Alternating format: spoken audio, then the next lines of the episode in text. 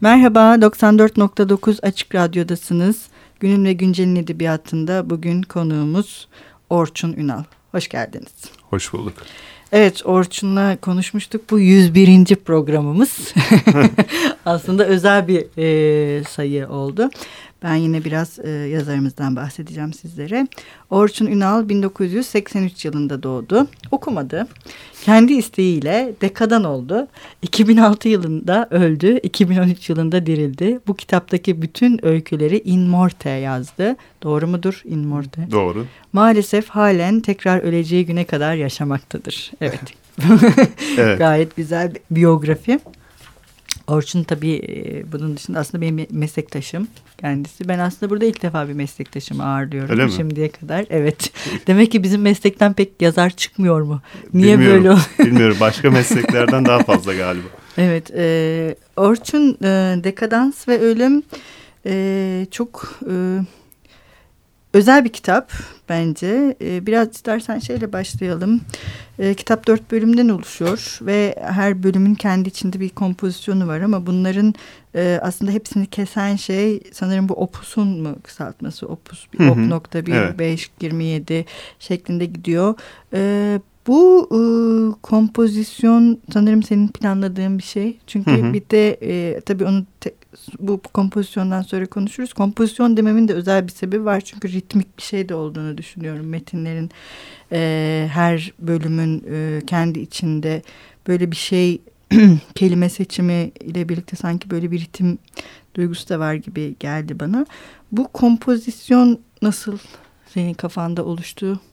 Bunları bir defa tabii ben e, şeyi bilemiyorum. Kitabı bir bütün halinde mi böyle planladın yoksa hikayeleri tek tek yazdıktan sonra mı böyle bir kompozisyon oldu? Bunları bir başka bir yerde yayınladın mı mesela öncesinde Hı hı. bu hikayelerden?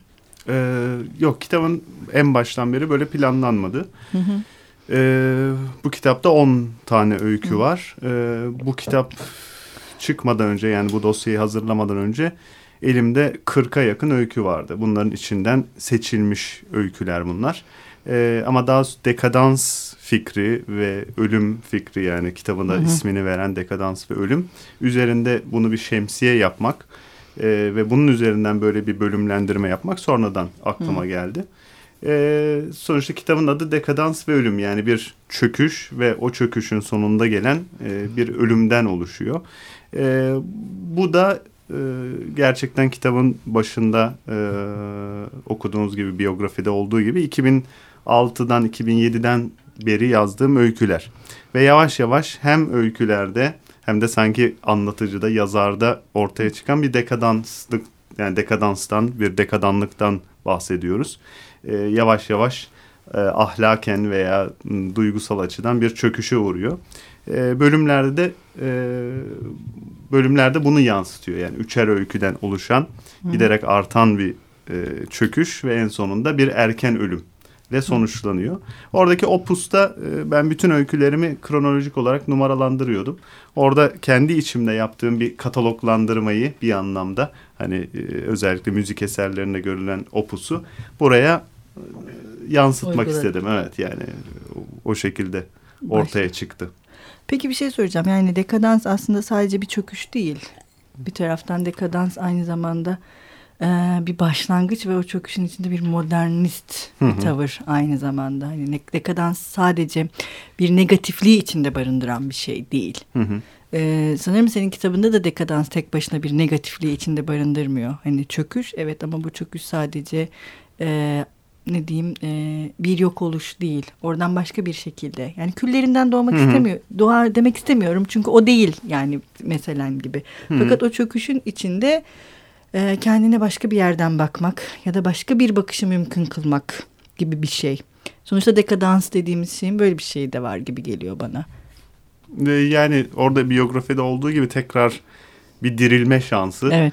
e, herkes için geçerli.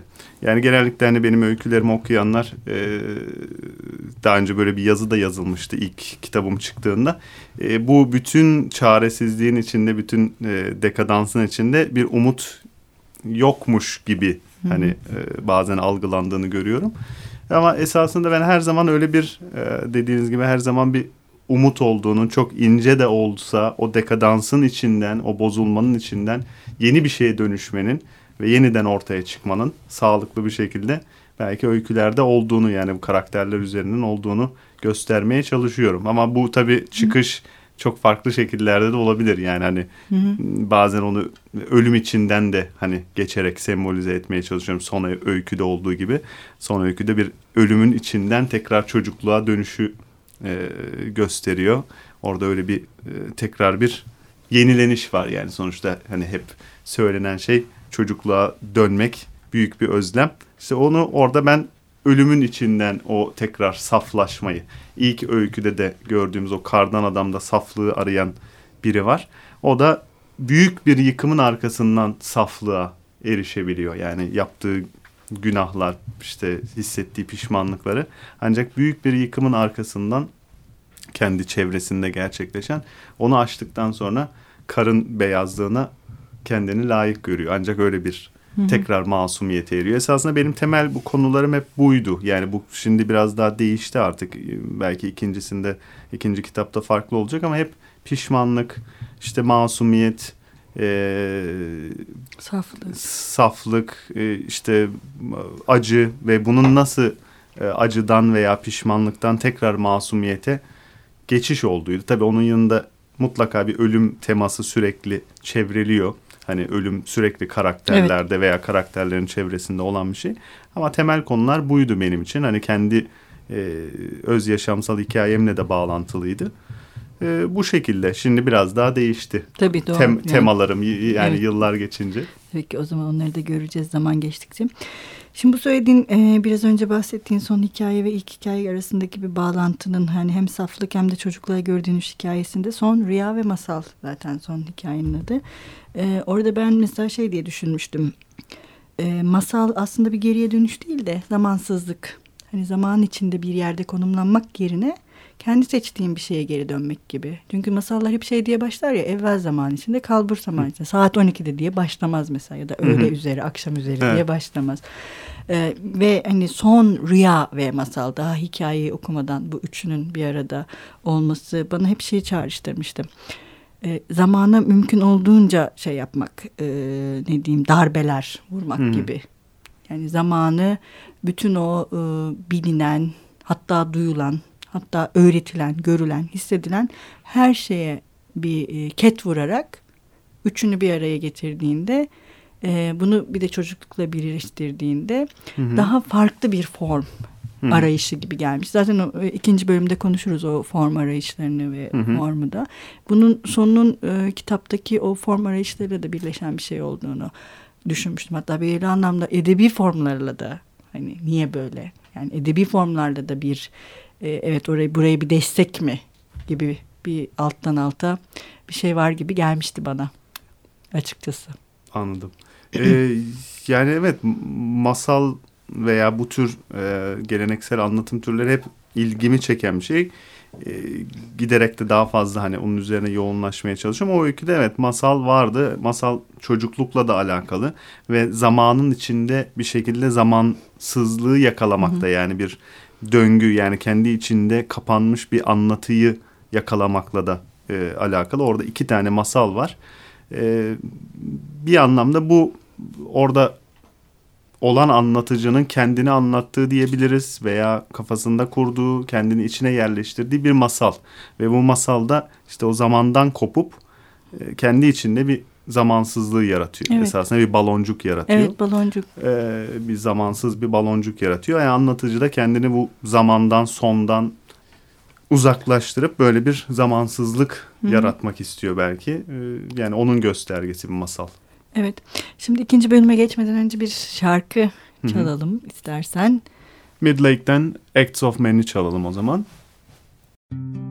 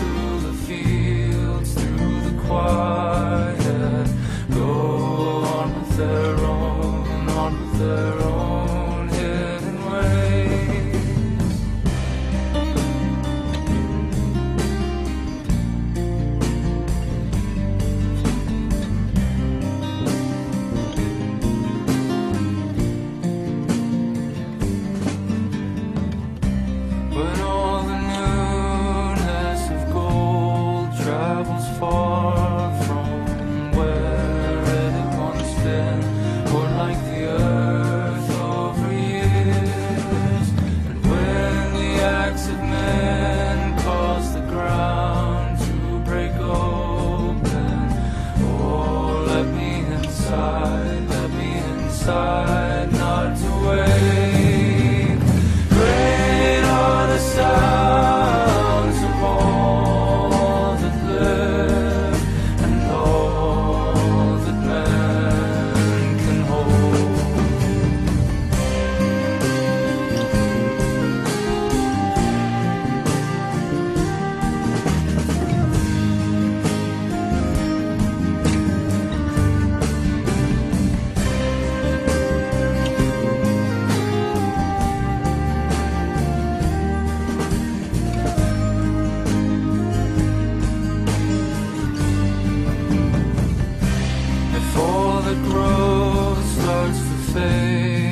starts to falter.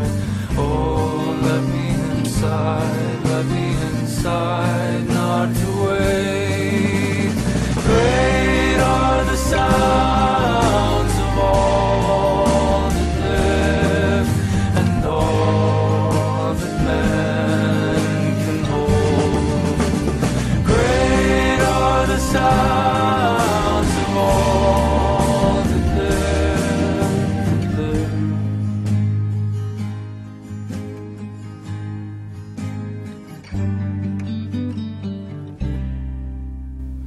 Merhaba tekrar 94.9 Açık Radyo'dasınız. Günün ve Güncel'in edebiyatında bugün konuğumuz Orçun Ünal.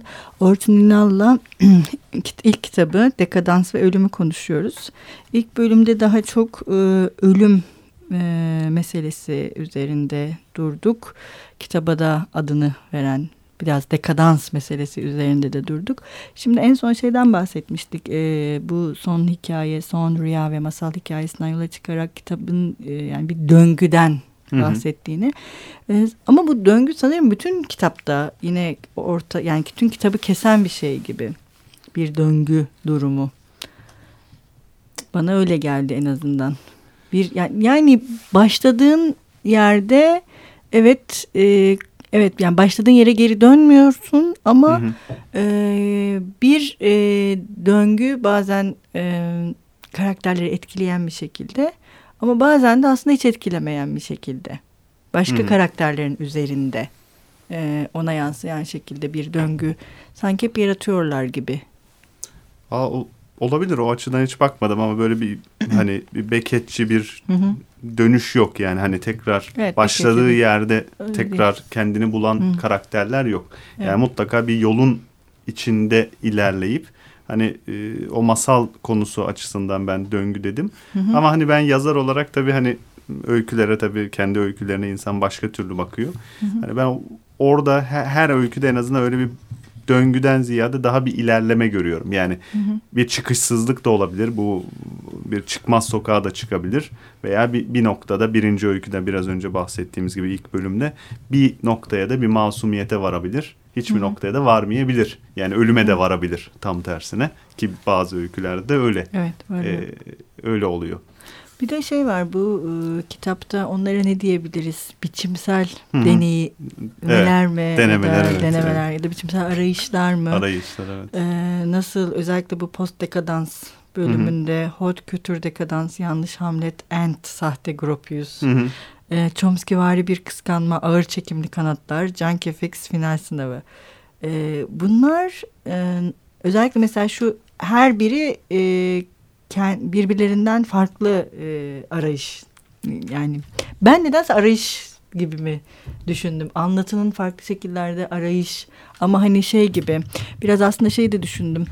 Ee, bu var olan malzemeyle yani bunlar hani şey gibi işte bir test sınavı örneğin Hı hı. bu Junkie Fix bir final sınavı e, Evet, Chomsky var aynen. bir kıskanma da öyle yani var olan malzemeyi e, başka bir malzemeye nasıl dönüştürebiliriz? Elimizdeki olan hali hazırda hatta böyle bize artık ikrah getirdiğimiz neredeyse o malzemeden e, yani edebi bir form demek demiyorum da başka bir anlatı formu nasıl çıkarılır gibi düşündüğüm için belki de onu bir arayış gibi Evet yani düşündüm. kesinlikle bir arayış olarak nitelendirilebilir. Hani ilk öykülerde zaten bu daha çok daha az var.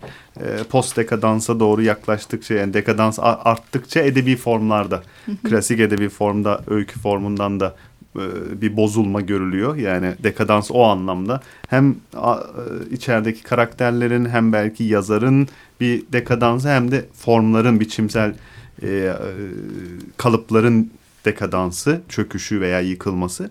Orada işte bir testi yani hayatın bu sürekli karşımıza çıkan test unsuruyla özellikle Türkiye'de çok fazla tabii ki karşımıza hepimiz için geçerli yıllardan beri. Bu testle işte hayat unsurunu yani bir başlangıçtan e, ölüme kadar onu bir anlamda bir şablon gibi edebiyatın üzerine oturtmak.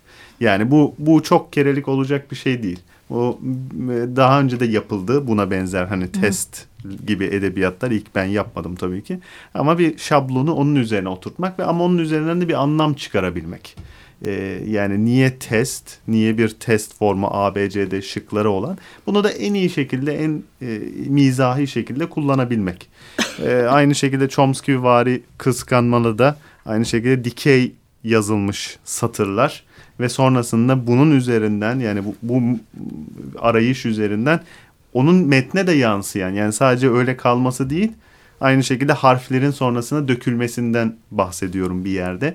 Hani dik tuttuğumuzda o harfler sanki dikey yazıldığı için bir anda kucağımıza düşecekmiş gibi. Yani her zaman sadece içeriği e, biçimi biçimi biçim olarak değil de biraz içerikle de bağdaştırıp hani kullanmaya çalışıyorum. Ee, sürekli hani aynı kalıplarda değil de çok fazla imkanımız var yazarken bu biçimleri de içeriği etkileyecek şekilde kullanabiliriz diye düşünüyorum. Arayışlarım o şekilde. Tabii. Yani Sonuçta anlatı denilen anlatılı denilen şeyin kendisi sanırım bu arayıştan bağımsız bir şey değil. Hani bu oldu evet diye bir şey yok herhalde değil tabii, mi? Tabii Yani bir, de şöyle bir şey var. Yani anlatırken de gerçekten sözlü olarak bir hikaye anlatıcılığı yapsak burada da belli biçimsel yani belli sentaksla ilgili veya kelime seçimiyle ilgili veya ses tekrarlarıyla ilgili belli biçimsel denemeler yapabiliriz. Ama yazı bunun ötesinde de bize imkanlar sunuyor. Yani işaretler, işte benim kullandığım arada işaretler, e, ters yazmalar, şekiller. Yani yazının da sadece sözün e, sürekli bizim yani söz ve yani meslek mesleki açıdan da söz ve yazıyla uğraştığım için o da benim ilgimi çekiyor. Yani biz Latin alfabesiyle soldan sağa yazıyoruz ama yukarıdan aşağıda yazılabilir. Yani hı hı. bu, bu yazı formlarını hani sürekli kalıp düşünceler içinde değil de bunların biraz dışına çıkıp bunları da kullanmak. Sadece sözün imkanı değil yazının imkanını da kullanmak. Evet bu önemli yani, bir şey ama. Yani şıklar, işaretler çok şey var kullanılabilecek ve bunların her birinde anlamı var. Bunlar da bu arayış için, bu anlatım gücü için kullanılabilir. Yani yazının imkanları çoğaltıldığında e, sözün de imkanları çoğaltılmış Kesinlikle. oluyor aslında. Tabii. Dolayısıyla anlam dediğimiz şey de aslında benim biraz önce söylemek istediğim öyle bir şeydi. Yani bu arayışın döngüyü beraberinde getirmesi. Hani senin söylediğin gibi başladığın yere geri dönmek değil. Ama hı hı. o döngü başladığı andan itibaren artık e, başka bir şeyin de devreye girmesi. Tekil bir şeyden çok yani ölüm de öyle değil mesela bu metinlerde. Hiçbir zaman tekil bir şey olarak ortaya çıkmıyor. Kesinlikle. Hep evet. başka bir şeyle birlikte ortaya çıkıyor. Yani ona eşlik eden hatta yani eşlikçi mi Eşlikçi hı hı. metinler ya da eşlikçi karakterler mi denilebilir onlara? Hani alttan alta bize e, çok gösterilmeyen ama onlara eşlik eden eşlikçi anlatılar evet. mı ya da ne diyebiliriz bilmiyorum. O eşlikçilik e, fikri bir döngüyü e, düşüncesini beraberinde getirmişti ben de aslında. Biraz söylemek istediğim öyle bir şeydi biraz önce. Anladım, anladım. yani e, dediğim gibi evet yani sürekli ölümle bağlantılı e, bir eşlikçilik fikri var. Ölüm ama, bile tekil değil yani. Onu demek istiyordum. Pardon evet. lafını yani, kestim. Genellikle hı. ölüm getiriyor ama yani bir de sen son nokta olmuyor. Evet değil. yani hı. evet yani o yüzden biyografide de o var ya yani ö, ö, ölen yazar Artık yani o yazar mı tabii yazar değil de o da fiktif bir karakter orada evet. yazar için söylenilen. Yani o da esasında ölüp diriliyor. Ama bu dirilmek farklı şekillerde olabilir. Yani ölüp de ölmemek Hı. gibi de olabilir. Yani arada da kalmak. Ölememek gibi. Ölememek gibi aynen arada kalmak. E, ölmemiş olmak ama diri de olmamak, canlı da olmamak gibi bir arada kalım olabilir. Evet. Yani tam bir çıkış yolu da olmuyor hiçbiri için ölüm esasında. Olmuyor. Bir de şey var. E, mesela böyle metinlerde hayatın anlamı diye bir şey hiç yok mesela. Hayatın anlamı. Öyle mi? Evet. Öyle mi görülüyor? Yani şey anlamında hani bunu bir kusur ya da negatif Hı -hı. an, anlamda değil de hani ölüm bu kadar önemli bir şeyken arayış da varken yani hayat neden ibaret? Bu sanki koca bir soru işareti olarak kalsa daha iyi gibi. Çünkü hayatın anlamı dediğimiz anda sanki o döngü biter hı hı. ve bir şeyi çözmek zorundayız. Evet, Hı-hı. hayatın anlamı budur. İşte burada mesela ölümsüz işte ölümsüzlüğü ölümü mü icat ediyorlardır? Hı, ya ölümü icat ediyorlar. Ölümü icat ediyorlar. Sonra sıkılıyorlar mesela. Evet, evet. Ya da işte yapayalnız kalıyorsun. Hani Hı-hı. ölüm bile icat edildiğinde artık manasız bir şeye dönüşüyor. Çünkü Doğru. bitmiş oluyor. Tabii. Yani. Tabii. O yüzden e, onun işte hayat ve anlam sanki hiç yan yana gelmemeli gibi bir şey var diye düşündüm ben. E, bu metinlerde. Olabilir ya da ya. özellikle uğraşılmış mı Hı -hı. ya da. Yani herhalde daha bilinç altında kalan bir şey. Yani hani çok bilinçli gibi düşünmüyorum hani e, şimdi böyle söyleyince ama o öykünün sonunda da diyor yani Evet. ne mutlu anlamı hala arayanlara. Evet, Çünkü a- anlam arayanlar. anlamı bulduğunuz anda sabitlediğinizi düşündüğünüz anda esasında kaçan ve sürekli kendini değiştiren bir olgu. Yani hayatın anlamı anlamında anlam. E, o yüzden sürekli peşinde olduğunuz sürece esasında kendini mantıklı kılan bir anlam hayat, yani hayatın anlamı. O açıdan öyle yani sürekli bir arayış. Ve Belki- üretici. Evet üretici aynen yani hani bir döngü var ama sürekli o dönerken de bir şey üretiyor Evet, kendin, üretici. kendinden bir şey saçıyor yani dışarı. Evet. Ee, Orçun çok teşekkür ederiz. Ben Ee, çok teşekkür Burada ederim, bizimle birlikte olduğun için Ee, biz e, programımızın sonunda yazarımızın okurları ve dinleyicilerimiz için okuduğu bir sayfayla veda ediyoruz. Sen neyle veda etmek istersin? Hala hayatta olmanın dayanılmaz huzursuzluğu adlı öykünün e, son kısmını okumak istiyorum. Peki. Hoşçakalın. Görüşmek üzere. Sabahın köründe kalktı. Heyecanlıydı, mutluydu. Duş aldı, tıraş oldu. Pantolonunu, gömleğini ütüledi. Ayakkabılarını cilaladı, ceketini fırçaladı, kılıcını çıkardı. Giyindi, kuşandı. Salona geçti. Güneşe oturdu. Gün o gündü. En temiz yolu düşündü. Assam kendimi, en az üç gün sonra bulurlar beni. Şişmiş, kokmuş, çirkin. Pencereden aşağı atsam kendimi, büzüşmüş bir et torbası gibi kaldırıma düşüp parçalanırım. Günlerce, hatta aylarca kanımın lekesi kalır kaldırımda. Sıcak suyu açıp küvete girsem, bileklerimi kessem, hayır hayır bir silahım olsa, soksam boğazıma, çeksem tetiği ya da şakağıma dayasam, bütün duvarda kan lekeleri, et, beyin, kafatası parçaları. Bunların hiçbirinin düşüncesine bile dayanamadı. Hepsi bir şekilde iğrenç göründü gözüne. O zaman geldi aklına. Salondaki divanı çekti biraz. Ateş karıncalarının yuvasının gizli kapısı. Ve duvardaki deliği gördü. İçi karıncalarla kaynıyordu. Kırmızı, kıpkırmızı, kan kırmızı karıncalarla. Bitmek, tükenmek bilmeyen enerjileriyle birbirlerini çiğneyerek oradan oraya koşturuyorlardı. Kararını verdi o anda. Dizlerinin üzerine çömelip ellerini duvara dayadı. Son kere derin bir nefes aldı ve kafasını yuvaya sokuverdi. Gözlerime dokunmayın dedi yalvarır bir ses tonuyla. Karıncalar inadına ilk önce gözlerini yediler.